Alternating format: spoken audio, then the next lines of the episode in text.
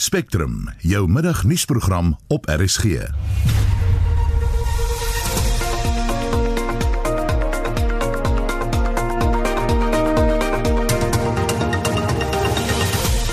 Goeiemôre in vandag se program.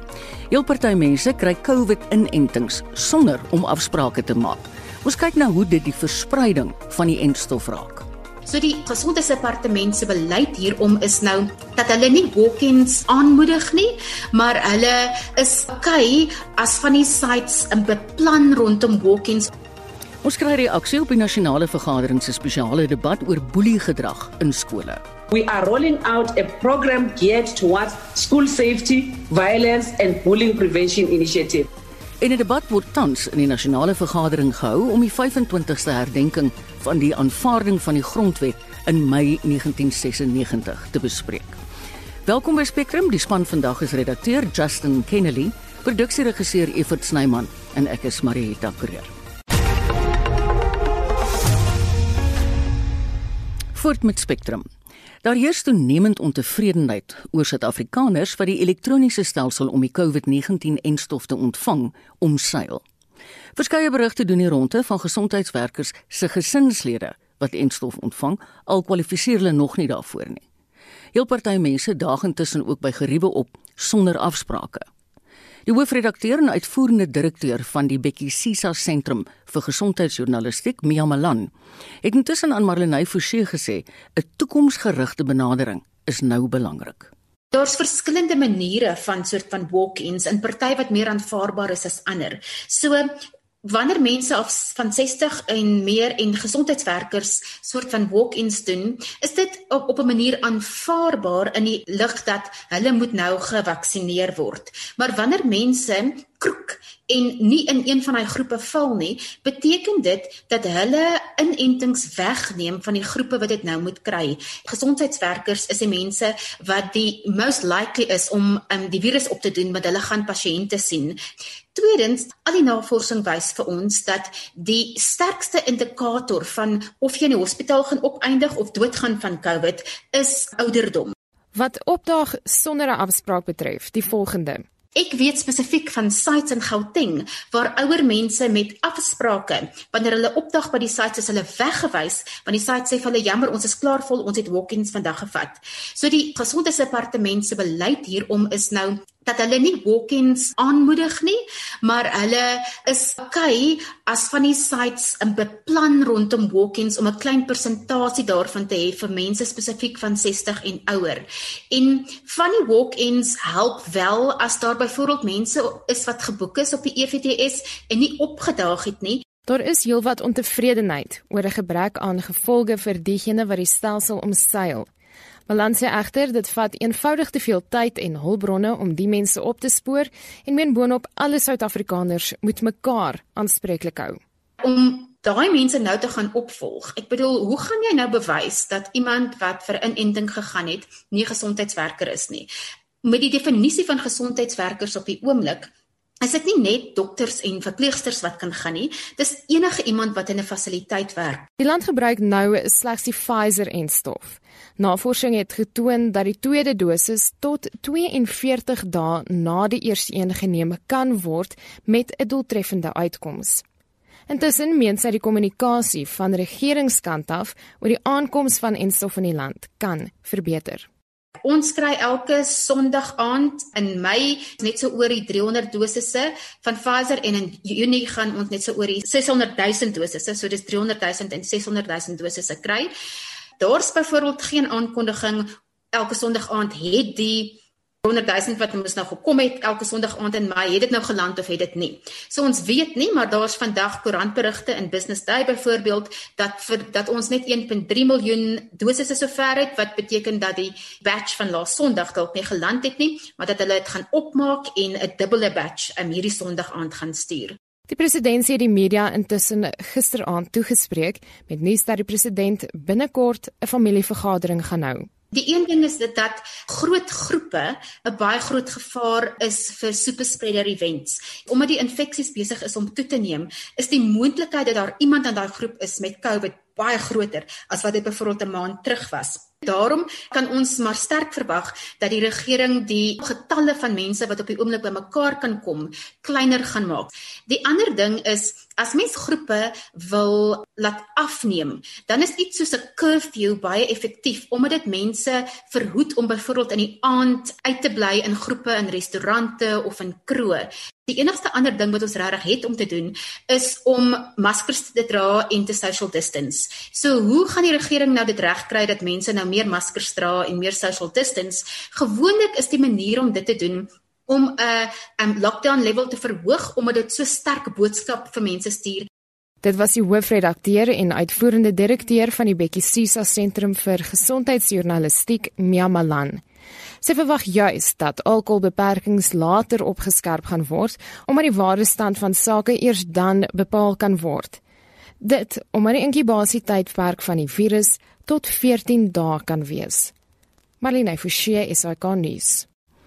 Die regering het aangedui dat president Cyril Ramaphosa en ek haal hulle aan baie gou weer die land oor die COVID-pandemie sal toespreek, terwyl kommer toeneem dat strenger inperkingsmaatreëls weens 'n derde vlaag ingestel kan word. Professor Joansi van Wyk is 'n politieke ontleder van Unisa en sy sluit nou by ons aan. Goeiemôre Joansi. Goeiemôre Marita. Opposisiepartye soos die DA en belangegroepe soos die drankbedryf is gekant teen strenger inperkings, maar wat dink jy moet die regering doen?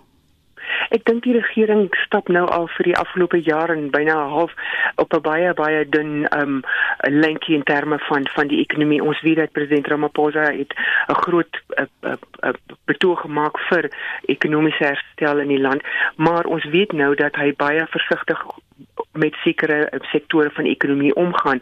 daarmee het hy byvoorbeeld die maatskaplike kompakte begin et cetera. So ek dink mense het ook die afgelope tyd gesien dat byvoorbeeld die wynbedryf het met hom 'n gesprek getree oor wat hulle voorstel ehm um, die gunstige situasie sal wees rondom 'n nuwe inperking. So ek dink dit is van die goed wat ons kan verwag, miskien 'n aanpassing daar uh, by die by die huidige vlak waarby ons is. Ons weet die kabinet is bekommerd hieroor dit het, Woensdag um, op die kabinet gedien en dit wil tog voorkom asof ons van hierdie aanpassings gaan sien omdat die syfers nou eenvoudig um, klim, maar daar is sektore van die ekonomie wat wat nou net begin op hulle en ek dink dat dit in ag geneem moet word. Ja, ons dink jy die president moet meer gereeld met die land oor die COVID pandemie praat nou dat die syfers opnuut kommerwek. Kyk, hy laas 30 Maart ehm um, het hy hierdie sogenaamde familie byeenkoms gehou wat ek dink nogal lank is. Dit was net voor Paasnaweek en ek mm. dink die idee was toe om mense bewus te maak van die die samekoms rondom die groot familie daar en en ehm um, die ehm um, vakansie daar. Ek dink hy kan gereeld praat. Ek dink mense raak soort van weg van die gedagte wat, wat ons in 'n pandemie leef, um, wanneer hy nie praat nie. En dan nou lees is die afgelope week se ehm um, in uh, inligting wat beskikbaar geraak het rondom sy minister van gesondheid se beweerde ja. betrokkeheid by by tender en natuurlik die korrupsie goed wat nog voortduur. So ek dink dit is so belangrik dat die president moet wys hy's in beheer, wys dat hy is eintlik die groot bestuurder wat hierdie pandemie in Suid-Afrika se reaksie tot die pandemie uh, beheer um, om dit dan ook meer vertroue in te boesem by die gewone burgery. Ja, ons sien op heeltemal 'n ander noot. Die Franse president Emmanuel Macron besoek Suid-Afrika vandag om spesifiek ook oor die pandemie samesprekings te voer. Hoe betekenisvol is hierdie besoek? Wel Marita, hier waar ek nou in Pretoria sit, hoor ons die vliegtye vir die seremoniële gedeelte van die besoek al die hele week nou vandag en die besonder natuurlik, so ek is baie bewus hiervan. Dit is 'n baie belangrike besoek, net met die historiese konteks. Dis vir jaar 330 jaar gelede sedert die laaste hugenote in die land aangekom het. Dis ehm um, 240 jaar as reg is na die Franse okupasie van die Kaap byvoorbeeld. En dis ook 2 ehm um, 100 jaar omtrent nadat Napoleon ehm um, groot Constantia se wyn op St Helena gedrink het byvoorbeeld. So dit is 'n lang geskiedenis wat hy vandag dan ook saamvat. Dis belangrik ons ons is baie afhanklik van van Franse investering in die land veral dan nou omdat die president so groot klem lê op ekonomiese diplomatie.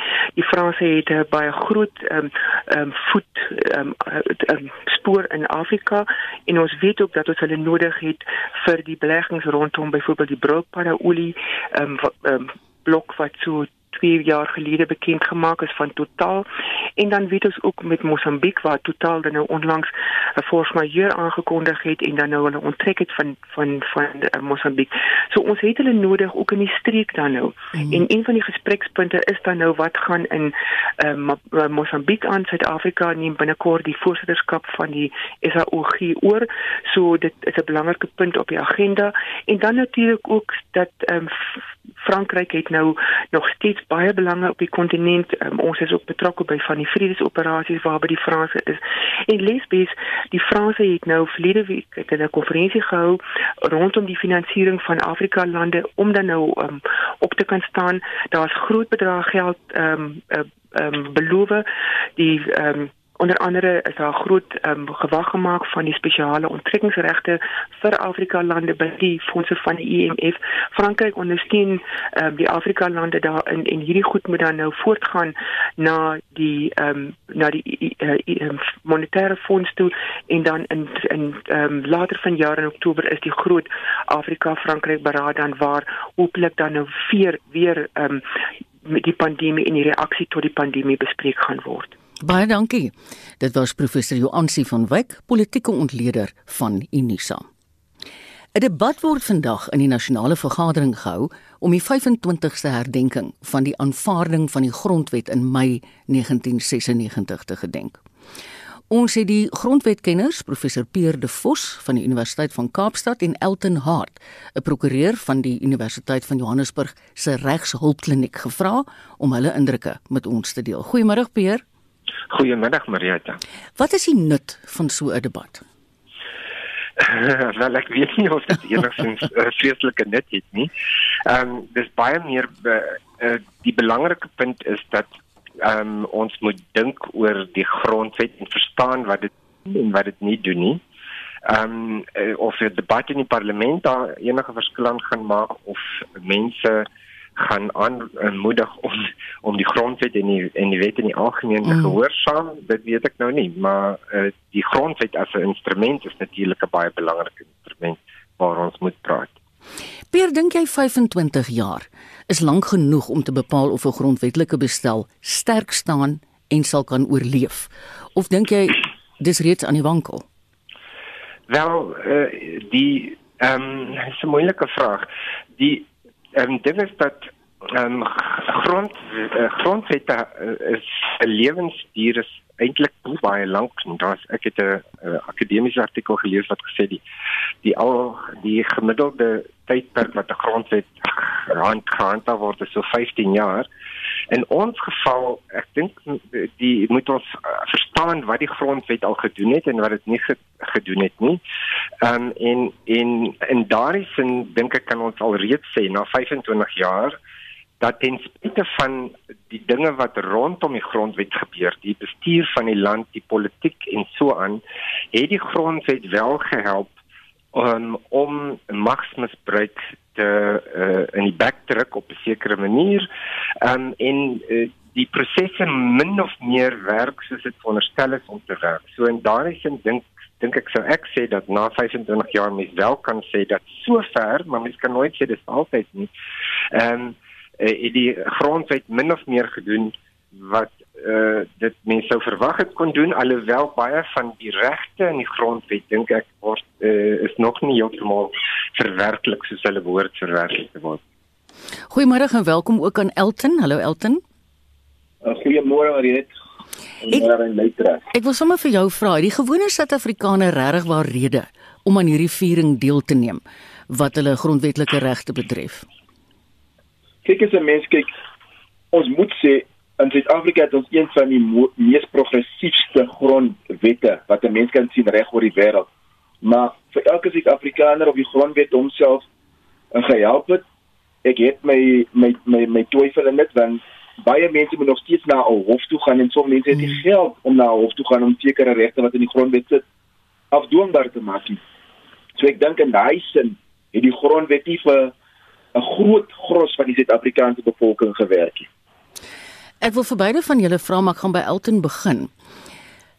Wat sal julle reaksie wees op mense wat sê ja, dit is so, dis 'n baie progressiewe grondwet op papier, maar ons is honger en ons voel onveilig en ons ontvang geen basiese munisipale dienste nie. Elton? Yes, en ek ek ek ek ek kan amper so verstaan wat mense van hy wat met van hy uh, uh vertrekpunt kom. Maar as 'n mens kyk op papier lyk die dokument soos jy doen net 1 2 3 en dan moet dit gebeur. Maar in die werklikheid is daar soveel draadwerk as 'n mens kan sê rondom die uitvoering van die grondwet en die mense of laat ek sê die die regering is die grootste sondebok wat die mense se regte laat val in terme van die grondwet en hulle moet die grondwet soos in actually hulle moet die beskermer van die grondwet is dit seker maak maar hulle doen dit nie. Wanneer as mense rondgaan jy sien mense sukkel mense kry swaar. Tog wel het daar daar die grondwet 'n reg op behuising 'n reg op 'n uh, uh, gesondheidsdienste maar as jy kry staatsamptenare wat die goed moet uitvoer die uitvoering van die grondwetlike pligte gebeur selde.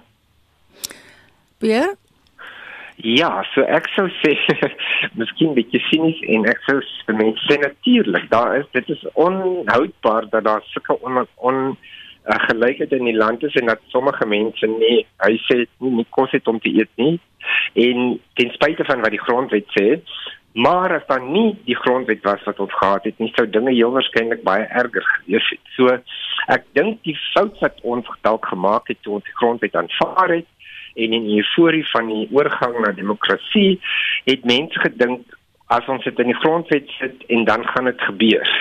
En dit is nie moontlik nie. Selfs gesê uh, die probleem is dat die die hof of die grondwetlike hof is nie die een wat moet seker maak dat boeke in die skool en dat daar mm. dak oor daar da, dak by die skool is en 'n biblioteek en dit is die regering en ongelukkig is ons uh politieke dinamika in Suid-Afrika van so 'n aard dat hierdie ehm um, hierdie take nie altyd heeltemal effektief uitgevoer is.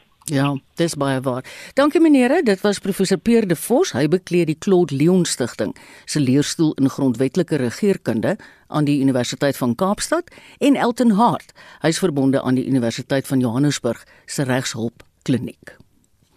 Die EFF-leier, Julius Malema, het gister 'n opskudding veroorsaak toe hy in 'n sitting van die Pan-Afrika Parlement in Midrand 'n afgevaardigde van Mali met die dood gedreig het. Malema verteenwoordig Suid-Afrika in die PAP. Ons vind nou uit wat die reaksie op die gebeure is van die internasionale kenner Dr Oscar van Heerden. Hallo Oscar. Goeiedag en goeiedag aan die luisteraars. Wat 'n indruk skep die optrede van Malema van Suid-Afrika boonop as gasheerland van die Pan-Afrika Parlement? Kyk, dis 'n groot verleentheid vir vir Suid-Afrikaners, die feit dat uh, lid van ons eie parlement dreigemente kan maak om mense wil doodmaak by die Pan-African uh, uh, parlement. Dis 'n groot verleentheid, dis baie tragies uh, en dis definitief ondiplomaties wat hy gedoen het. Kan ons een stap teruggaan? Hoe dit gekom dat Malema Suid-Afrika verteenwoordig? kyk die die die die die manier hoe dit werk is elke lid elke land wat 'n lid is van die parlement kan vyf lede van hulle eie uh parlement stuur en ek dink uh, gegee die Suid-Afrikaanse omstandighede ek sal seker ek is verseker dat hulle natuurlik wil wys dat hulle 'n multiparty uh, oh, ja. demokrasie is en ek dink dis hoekom 'n malema deel is van daai uh, delegasies so daar's nog vier uh, ander ook Ekskuus. Daar's darm vier ander ook. Daar is vier ander soos jy weet in die pas. Ag, um, Oscar, kan ek jou guns vra? Ekskuus. Uh, wil jy net vir my op 'n ander plek gaan? was ook daar. Wil jy nie net vir my op 'n ander plek staan nie? Ons verloor jou. O, ekskuus. Kan jy my hoor? Ja, nou kan ek jou hoor. Ja. Sien net die laaste twee sinne weer? Nee, ek sê uh, soos jy weet daar was uh, ons eie uh, ANC chief whip Pemi Madugina was ook daar binne onder onsie en het geprobeer om vir Malema te kalmeer en een kant toe te trek en sê hy moet hy moet ophou met sy dreigemente. Mm. So ek ek dit lyk vir my dat ons delegasie daar by die parlement uh, is is uh, veel veel party. Dink jy die voorval gaan enige diplomatieke spanning tussen Suid-Afrika en Mali meebring? moontlik nie net noodwendig spanning nie maar ek dink tog dat die Maliese delegasie en die regering sou moontlik 'n brief skryf aan ons uh, departement van buitelandse sake Dirko om te sê dat dis regtig nie die tipe houding wat ons verwag Nooit. van lede nie. Baie dankie. Dit was die politieke ontleder Dr. Askar van Heerden en hy is verbonde aan die Universiteit Stellenbosch se fakulteit krygskunde.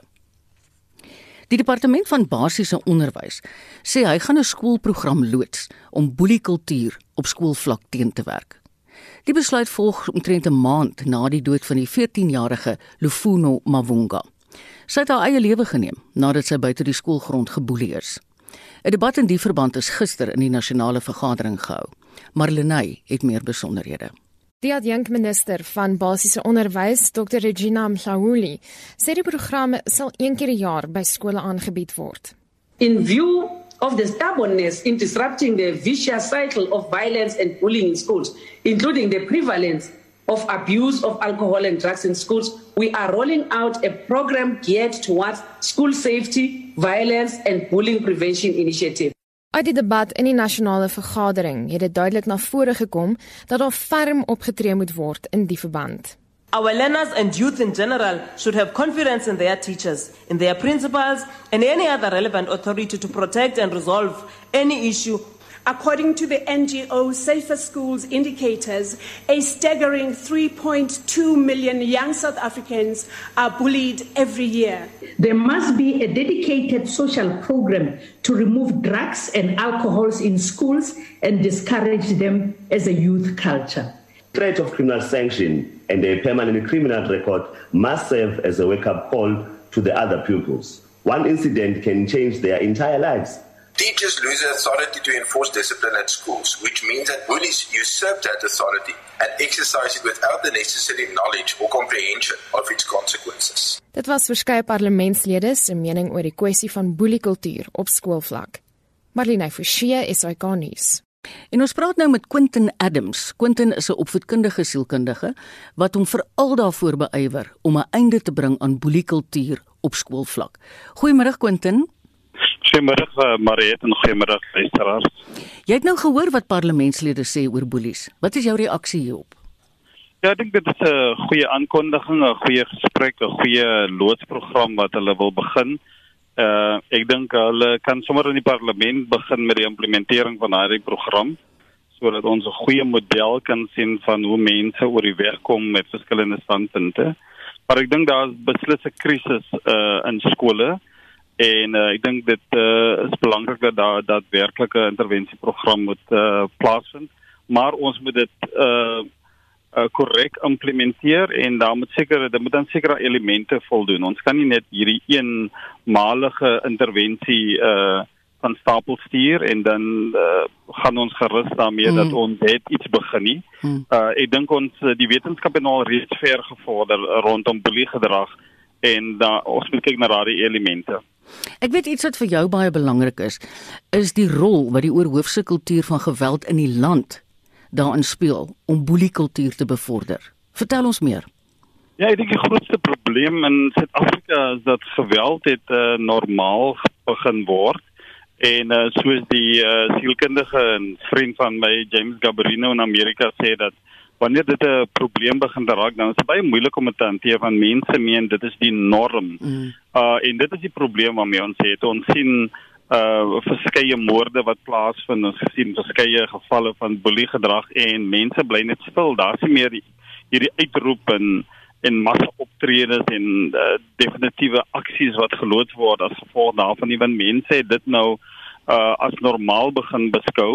En dit is een van die grootste probleme. Ek gebruik hierdie terme dit is deel van ons psigologiese geografie ja. geword dat uh uh geweld 'n uh, probleem is. En boelie is 'n is 'n subkultuur van hierdie kultuur van gewelddadigheid in in ons land.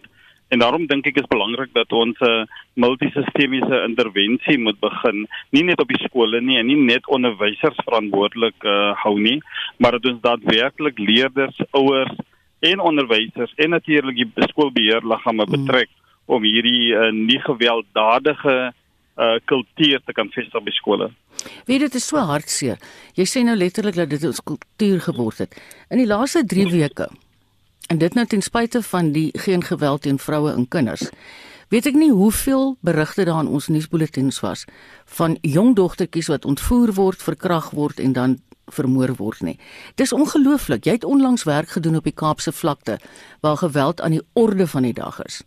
Hoe speel daai kultuur van geweld daar in boeliekultuur in daai skole oor? Ja, ek dink wat uh, die die spesifieke navorsing wat ek gedoen het was rondom uh, vloekery uh Ehm um, en dit uh, kom algemeen voor. Dit is asof dit die lingua franca is van mense. Hulle meen dit is normaal. Hulle hulle dink ook nie dat daar 'n probleem wanneer uh, vloektaal gebruik word nie. En uh, ons het baie gesien by die skole baie van hierdie boelie insidente begin as gevolg van vloektaal. En ek het navorsing gedoen rondom vloektaal, maar ons kry ook 'n ander verskynsel waar jy kinders kry wat in 'n skool is wat in vier verskillende gebiede bly waar daar verskillende opponerende bendegroepe is. Mm. En wanneer daai vier verskillende opponerende bendegroepe se kinders na die skool toe gaan, dan is dit groot konflik by die skool en daardie uh eh, politiegedrag is as gevolg van uh bendeverwante ehm um, of as gevolg van die konteks waar, ja. waar die gebiede waar hulle bly of die territories soos ons in die op die Kaapse vlakte uh na vernoem. Hmm. En uh dit is 'n groot groot probleem veral wanneer dit in 'n bende geteisterde area is waar daar 4 of 5 verskillende ek het navorsing gedoen van 'n gemeenskap waar daar omtrent uh 17 verskillende bendegroepe net in 'n een gemeenskap is. So jy kry hierdie splintergroepe en dan het jy drie skole in 'n omgewing en dan sien jy dat een van die manifestasies daarvan is natuurlik hierdie uh boeliegedrag. So jy kan nie net boeliegedrag uh aanspreek en dan 'n wysers verantwoordelik uh, nie jy moet ook 'n gemeenskapse intervensie hê om seker te maak hoe word bende geweld aangespreek en hoe word boelie gedrag aan skole Quentin baie dankie vir die harde werk en die goeie werk wat jy doen in daai gemeenskappe. Dit was Quentin Adams. Quentin is 'n opvoedkundige sielkundige wat hom toespits op boeliekultuur. Spectrum, jou middagnuusprogram op RSG.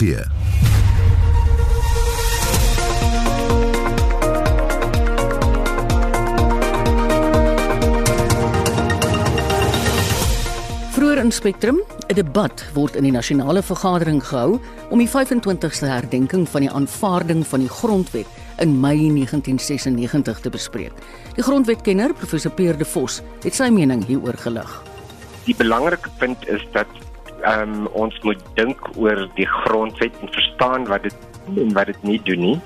Ehm um, of die debat in die parlement daar enige verskil aan gaan maak of mense gaan aanmoedig om om die grondwet en die en die wet in die algemeen te mm. gehoorsaam dit weet ek nou nie maar uh, die grondwet as 'n instrument is natuurlik 'n baie belangrike instrument waar ons moet praat net hier nou in spektrum nuwe navorsing wys dat satelliete vir dekades lank moontlik die tempo van aardverwarming onderskat het wat nou gemaak En sommige Ova Herero, tradisionele owerhede in Namibië, verwerp die aanbod van die Duitse regering om projekte van meer as 16 miljard rand in Namibië te befonds.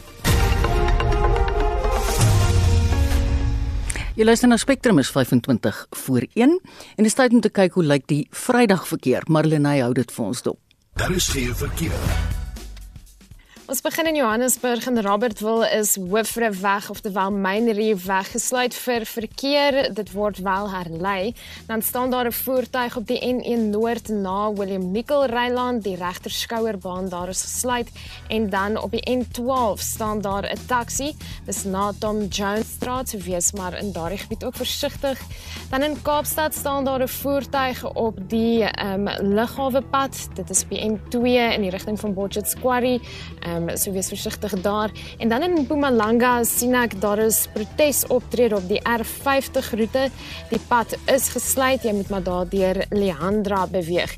So sien ons op Twitter en op hierdie stadium is dit jou verkeersnuus op Spectrum. Marlenae werk hard vandag.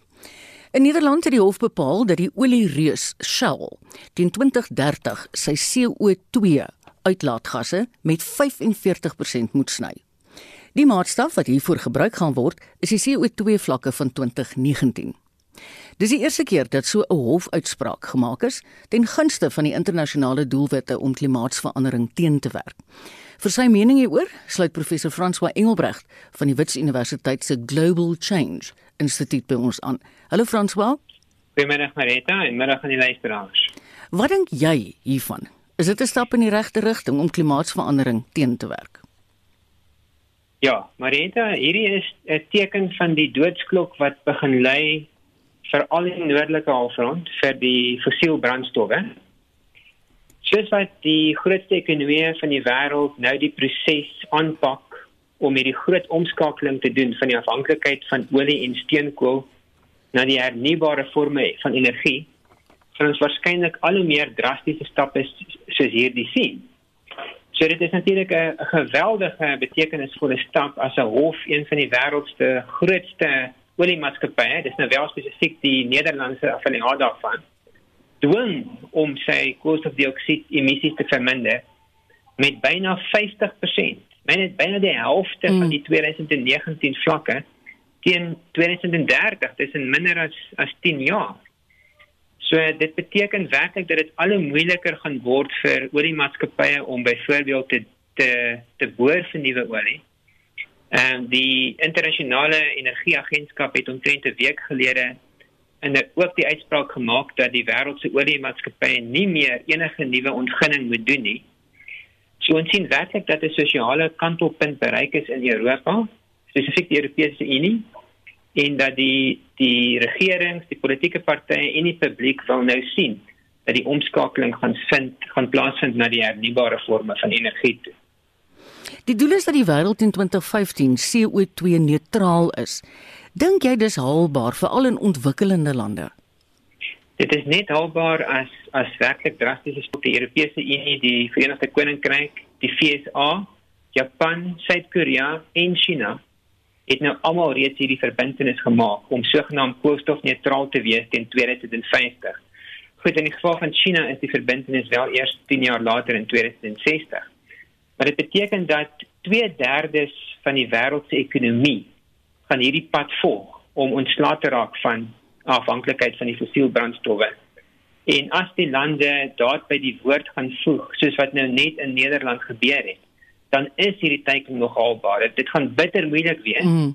En ontwikkelende lande gaan net daai pad stap as hulle hulp kry van die die sogenaamde globale noorde om hierdie omskakeling te maak na die hernubare energie. Maar dit is haalbaar, maar dit is 'n groot uitdaging. Dink maar net aan Suid-Afrika wat teen 2030 heeltemal gespeen moet wees van ons afhanklikheid van steenkool. Dit gaan ongelooflik moeilik wees, maar dit kan gedoen word. Nou wil ek jou iets anders vra François, te midde van al hierdie dinge wat gedoen word om aardverwarming teen te werk. Het dit nou bekend geword dat satelliete vir dekades lank die tempo van aardverwarming moontlik onderskat het?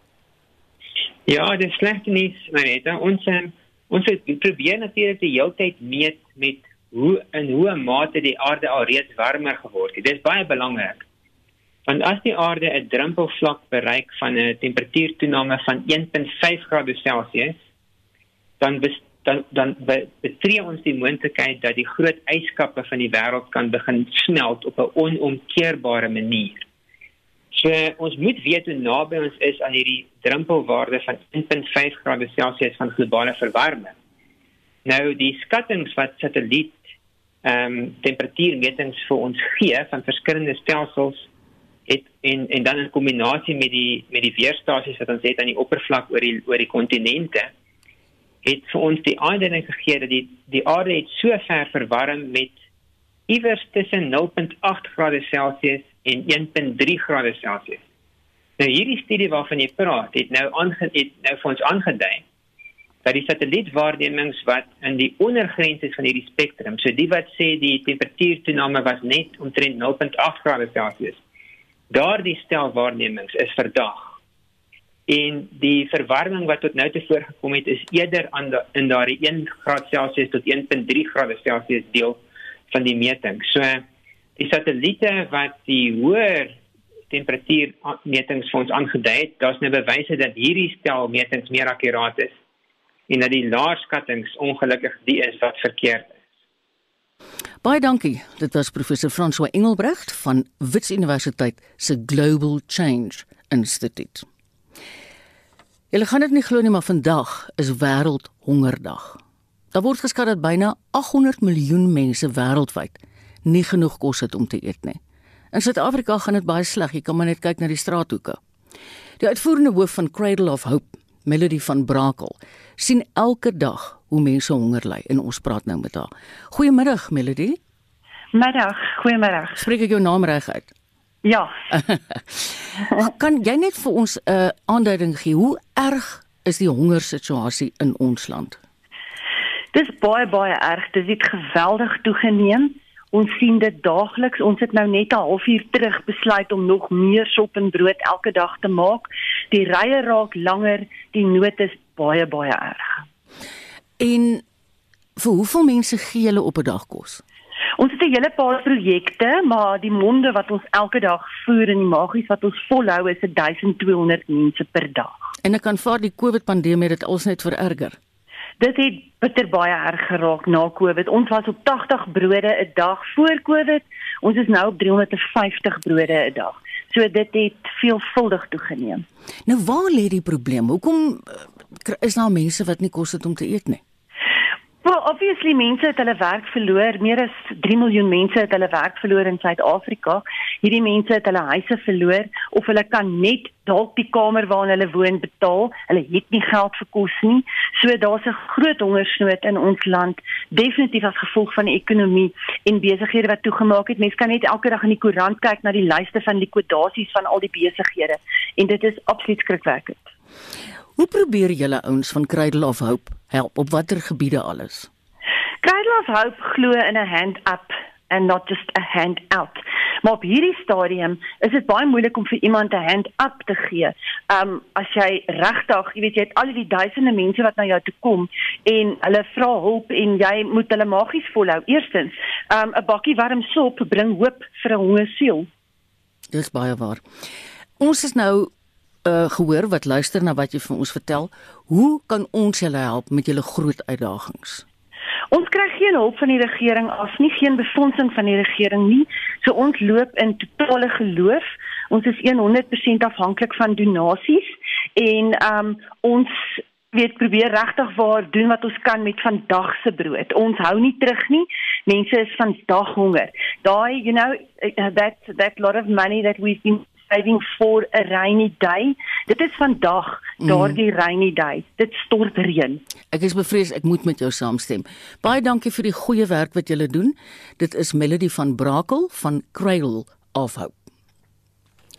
Soos ons in die nuus gehoor het, het Duitsland ingestem om oor 'n tydperk van 30 jaar projekte van meer as 16 miljard rand in Namibië te befonds as 'n gebaar van versoening vir sy rol in die volksmoord en beslaglegging op eiendom in die destydse kolonie meer as 'n eeu gelede. Vyf Ovaherero tradisionele owerhede in Namibië het egter die aanbod van die hand gewys. Die leiers is verlede week deur die Namibiese regering ingelig oor rond 9 van sy onderhandelinge met Duitsland waar die aanbod van 1,1 miljard euro deur die Duitse regering aangebied is. Frikkie Wallis berig uit Namibië. Die opperhoof van die Ovaherero tradisionele owerheid, advokaat Vukui Rukoro, sê Duitsland se aanbod beteken dat die Hereros en die Namas uitgekoop is aan die Duitsers omdat al die verteenwoordigers van die twee volke nie deel was uh, van die jongste ronde samesprekings nie. Hy het in 'n sterk bewoorde boodskap gesê dat meer as 2/3 van die land sonder enige vergoeding geneem is en dat 80% van die Hereros en die helfte van die Namas in daardie tyd vermoor is. Meer as 100 000 beeste het ook verdwyn. Hy sê Duitsland se aanbod van 1,1 miljard euro oor 'n tydperk van 30 jaar vir ontwikkelingshulp is 'n klap in die gesig en 'n onderskatting van Namibiërs se intelligensie. En vir hoe lank sleep hierdie onderhandelinge nou al voort? Dit gaan al aan van 2014-2015 af, dus meer as 6 jaar lank. Rekorde sê dat vyf afgevaardigdes wat nou teruggekeer het na die jongste gesprekke in Berlyn wel deel was van die regering se afvaardiging, maar nie ten gunste van die voorstelle was nie. Dit is volgens hom ook deur ander verteenwoordigers as snert afgemaak. Die Ireus voel dat Duitsland enigiets anders as die woord uitwissing wil erken en dit is wat die twee volksgroepe teen skop. Dit was ons medewerker in Namibië, Frikkie Wallis, en hy was in gesprek met vandag se redakteur Justin Kennedy. Onthou gerus, ons gaan môre middag 'n naweek aktueel verder hieroor berig en ook hoor wat die Namibiërs se gevoel oor die algemeen is oor hierdie jongste aanbod. Plaaslike sowel as oorseese Olimpiese atlete is hard aan die voorberei vir die Tokio spele in Japan, maar in die land groei die teenstand teen die aanbieding van die spele te midde van die COVID-pandemie. Die regering daar het ook pas bekend gemaak dat die COVID-noodtoestand tot 'n maand voor die spele verleng word. Ons praat nou hier oor met die sportsielkundige Dr Henning Gericke. Hallo Henning. Hallo Marita. Jou jou mening of die spele moet voortgaan al dan nie, moet dit uitgestel word of dalk afgestel? Ja, Marita, dit is baie delikate situasie op die oomblik want mens kan verstaan waar Japaneese bevolking want dit gaan oor iets meer as sport natuurlik die gesondheid van die land. Maar aan die ander kant het Japan 'n kontrak met die Olimpiese vereniging wat hulle voel hulle moet nakom. Soort gaan natuurlik finansiële implikasies so jy sal nie weet watter kant toe gaan dit nie. Uit die aard wil almal sport sien maar uh, dis 'n groter prentjie op die oomblik. So soos ek sê is dit oor gesondheid van mense gaan weegieskaal seker swaarder op dat uh, dat hy dit eerste prioriteit moet kry. Maar dit is bietjie meer kompleks as net dit En ding jy word werk nou baie met atlete en met sportmense. Hoe berei 'n atleet voor vir iets soos die Olimpiese spele in hierdie ongekende omstandighede van 'n wêreldwye pandemie? Ja, dit is baie moeilik, maar dit is juist wat atlete onderskei as jy vir Olimpiese spele gekwalifiseer het, het jy daai eienskappe in jou om te weet wat kan jy beheer maar jy het aan wat jy nie kan beheer nie. Op die oomblik is daar sekere goed wat jy nie kan beheer nie wat jy wel kan beheer om voor te berei is jou houding. Wat is jou houding op die oomblik? So as jy toelaat dat negatiewe gedagtes en bekommernisse 'n deel van jou raak, gaan jy dit nooit maak. Jy jou houding is belangrik. Die Engelse praat van attitude en dan natuurlik jou werksetiek. Jy moet aan 'n hart oefen. En dis dis is goed wat op die einde belangrik is en jou emosies, natuurlik om jou emosies te beheer. En as jy daai goed kan beheer, dan is jy psigies reg wat ook al gebeur. Ek dink 'n goeie ding vir 'n atleet sou byvoorbeeld wees kom ek vat 90 dae vir Olimpiese spele en elke dag maak ek die beste dag wat ek kan doen. En ek gee nie ek dink nie verder is vandag nie. En ek doen net vandag my bes en dan gaan die eindresultaat na homself kyk en dis dis die houding wat 'n atleet op die oomblik moet hê. As jy te ver vooruit dink kan dit jou tentatief maak, bekommerd maak en dan gaan jy nie op jou beste wees nie. Ja, jy gaan nie jou beste lewer nie. Ek dink dis maar 'n baie goeie wenk vir almal van ons. Henning, jy's betrokke by die bulle. Jy was ook deel van die kampioenbokke. Hoe glo jy sal ons blitsbokke hierdie keer vaar as ons dit vergelyk met 2016? Ja, jy weet ek is ek is natuurlik 'n aardsoptimis, jy weet, so ek glo hulle gaan goed doen. En hulle afverternie pel kom hulle tyd met die spelers. Hy ken hulle. Hulle weet om druk te hanteer. Alle situasie ongelukkig maar jy het hulle hulle hulle verander die hele tyd hulle span. Hulle het nooit dieselfde spelers nie omdat baie van die spelers eerder 'n 15 man rugby wil speel. So ek sê nie hulle kry die krummels noodwendig nie want 'n stop uh, uh, rugby spelers wat daar speel maar hulle het nie altyd daai kontinuïteit maar ek dink mm. Neil Powell weet om te wen. Daai span het al groot kompetisies gewen so ek ek dink ons het laas 'n bronsmedalje gewen so ek dink uit die aard van die saak moet ons nog goud en hoekom kan ons dit nie doen nie? Sommige net 'n vraag. Wat dink jy is die kans dat Wade van die kerk sy 400 meter titel sal behou Ja, yes, dis 'n moeilike een want jy weet die realiteit is is is, is oor 4 jaar, hy's omtrent al 3 jaar wat hy beseer is. Mm. En en jy moet deelneem om op jou beste te wees. So as ek dink die afgelope 2, 3 jaar hoe verkeerd het hy deelgeneem? Seker op een hand kan jy sê 5 keer. En as jy Olimpiese spele wil wen, is dit soos 20, 30 wedloop of seker 3 jaar of deur 'n 2 jaar tydperk met hardloop. So ek dink dit sal wonderlik wees. Dit is nie onmoontlik nie, maar dit dit gaan nogal 'n spesiale storie wees as dit kan doen want want dit uh al die alles alles is amper teen hom maar ehm uh, ja soos ek sê dit sal dit sal fantasties wees as hy kan deelneem maar hy wil nie deelneem nie hy wil wen en dit maak dit dit maak dit nog moeiliker maar uh ja dis dis dis 'n moeilike een daai ook. SAK nuus het gister berig dat beide hy en Caster Semenya nie ingesluit is in ons bokspan wat gaan nie want hulle het nog nie gekwalifiseer nie Ja, dis die realiteit omdat jy so min deelgeneem ja. het en jy moet 'n sekere tyd hardloop vir die 200, ek dink 20.2 of iets in die 400 44.8 en dis binne maklik binne sy bereik, maar hy het tog net nie geleentheid so ek dink hy het gehoop hy gaan nou reg wees in dieselfde met uh, met haar Castro, jy weet, uh, en en en en, en ek dink op die oomblik is dit sy moet jy besluit of sy verder gaan hardloop as sy kan nie 800 hardloop nie sy gaan nou 5000 probeer hardloop so ek dink elkeen sit met 'n unieke situasie ja. maar is goed genoeg om altyd te kwalifiseer om al twee medalje te wen en op die einde want al twee het al 'n goue medalje op Olimpiese spele ja ja ja ja Baie dankie Henning. Dis dokter Henning Gericke. Hy is 'n sportsielkundige. So 6 minute voor 1. Margit Meyer Rudenbeck se alter ego, Dowet Dolla, tree na meer as 20 jaar af. Frans Swart het na haar laaste vertoning gaan kyk. Dolla het haar aftrede aangekondig met 'n produksie Nou of Nooit. Ek dink my alter ego is moeg vir my. My skelette is druk my. Nee, nee, ek dink ons het tyd vir kom, is tyd vir gaan en ek dink ek wil nou lekker gaan lê by Maldives. Ek sien daar's nou specials. So ek dink dit is tyd vir my om die pot te vat Maldives te dalk soek die Maldives 'n uh, dollar wat ook kan rondtrippel. Ek maak klaar, want ek wou einde laas jaar klaar gemaak het. Ek wil nog die lolly op Gumtree verkoop, maar nou het ek hierdie dis een van my laaste toere. So is dit al die goeders wat ek nou moet klaarmaak wat nog oorgestaan. Ek het Woensdag aand na Dolla se laaste vertoning gaan kyk by die Fabulous Theater en ek moet sê Dolla was baie meer op haar stukke as ooit tevore.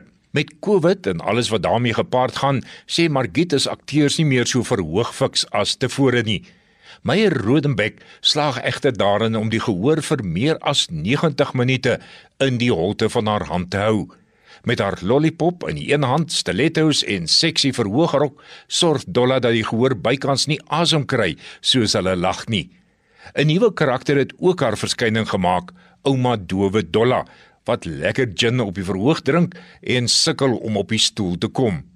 Ouma Dowe Dolla is egter baie meer uitgesproke as Dolla haarself en ek wonder tog of ons nie meer van ouma Dowe Dolla gaan sien in die toekoms nie. Die baie begaafde pianis Koenraad Raal begelei vir Dowe Dolla op die klavier en ek moet sê dit is 'n goeie aanwins vir die Dolla produksie. Satire op sy beste en jy moet bybly anders gesels Dolla ver bo jou verbeelding. Ons gaan beslis vir Dowe Dolla wat al so instelling op Suid-Afrikaanse verhoog geword het, baie mis. 'n Nuwe vermaaklikheidsmedium maak môre aand 5uur sy verskyning in Suid-Afrika. 'n Celebrity boksgeveg tussen die rocklegende Francois van Cooke en die rugbyheld Derek Hougaard. Die boksgeveg sal by die Sun Arena in Pretoria plaasvind en word nasionaal en internasionaal op die internet uitgesaai. Dit sal ook in verskeie teaters van die nuwe Metro flieke gewys word.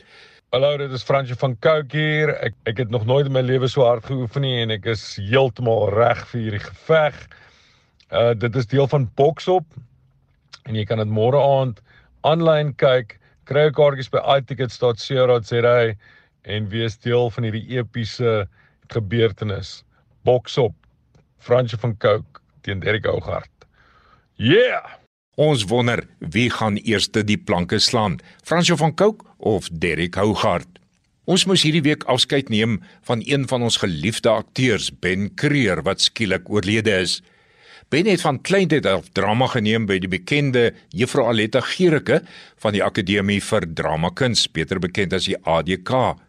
Ons almal onthou vir Ben van skooldae af en die laaste paar jare as oom Okkie in Binnelanders.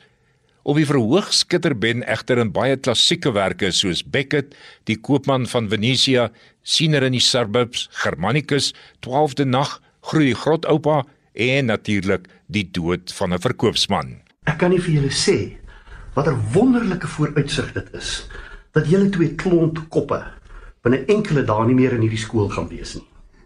Meneer gaan ons mis.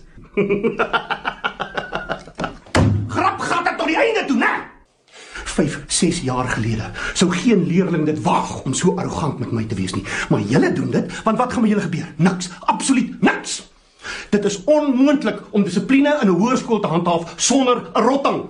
Die Kardoes met liedere met tenore Kurt Grobler en Leon Ludik is Saterdag om 7uur by die Pierneef Theater in Pretoria. Klavierbegeleiding deur Rudolf Geldnys.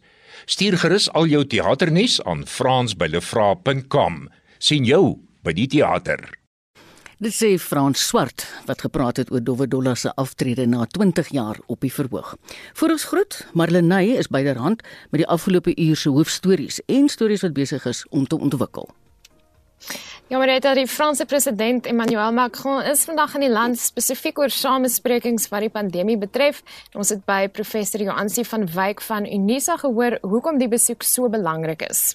Waar ek nou in Pretoria sit, hoor ons die vliegtuie vir die seremoniële gedeelte van die besoek al die hele week nou vandag. En dis belangrik ons is baie afhanklik van Franse investering in die land veral dan nou omdat die president so groot klem lê op ekonomiese diplomatie en ons weet ook dat ons hulle nodig het vir die beleggings rondom byvoorbeeld die broodpadda olie En ook 'n storie wat ons dophou, intussen is 'n strafregtelike klag by die polisie ingedien teen die hoofadministrateur van die Mfuleni plaaslike munisipaliteit. Dis nou oor rioolbesoedeling van die Vaalrivier. Die storie is môre op Naweek Aktueel tussen 12 en 1 hier op RSG. En so sê Marlenae Forsie, dankie vir al ons medewerkers vandag. Die redakteur was Justin Kennedy, produksieregisseur Evert Snyman. Geniet jou middag in die geselskap van RSG en ek hoop jy het 'n wonderlike naweek. Totsiens.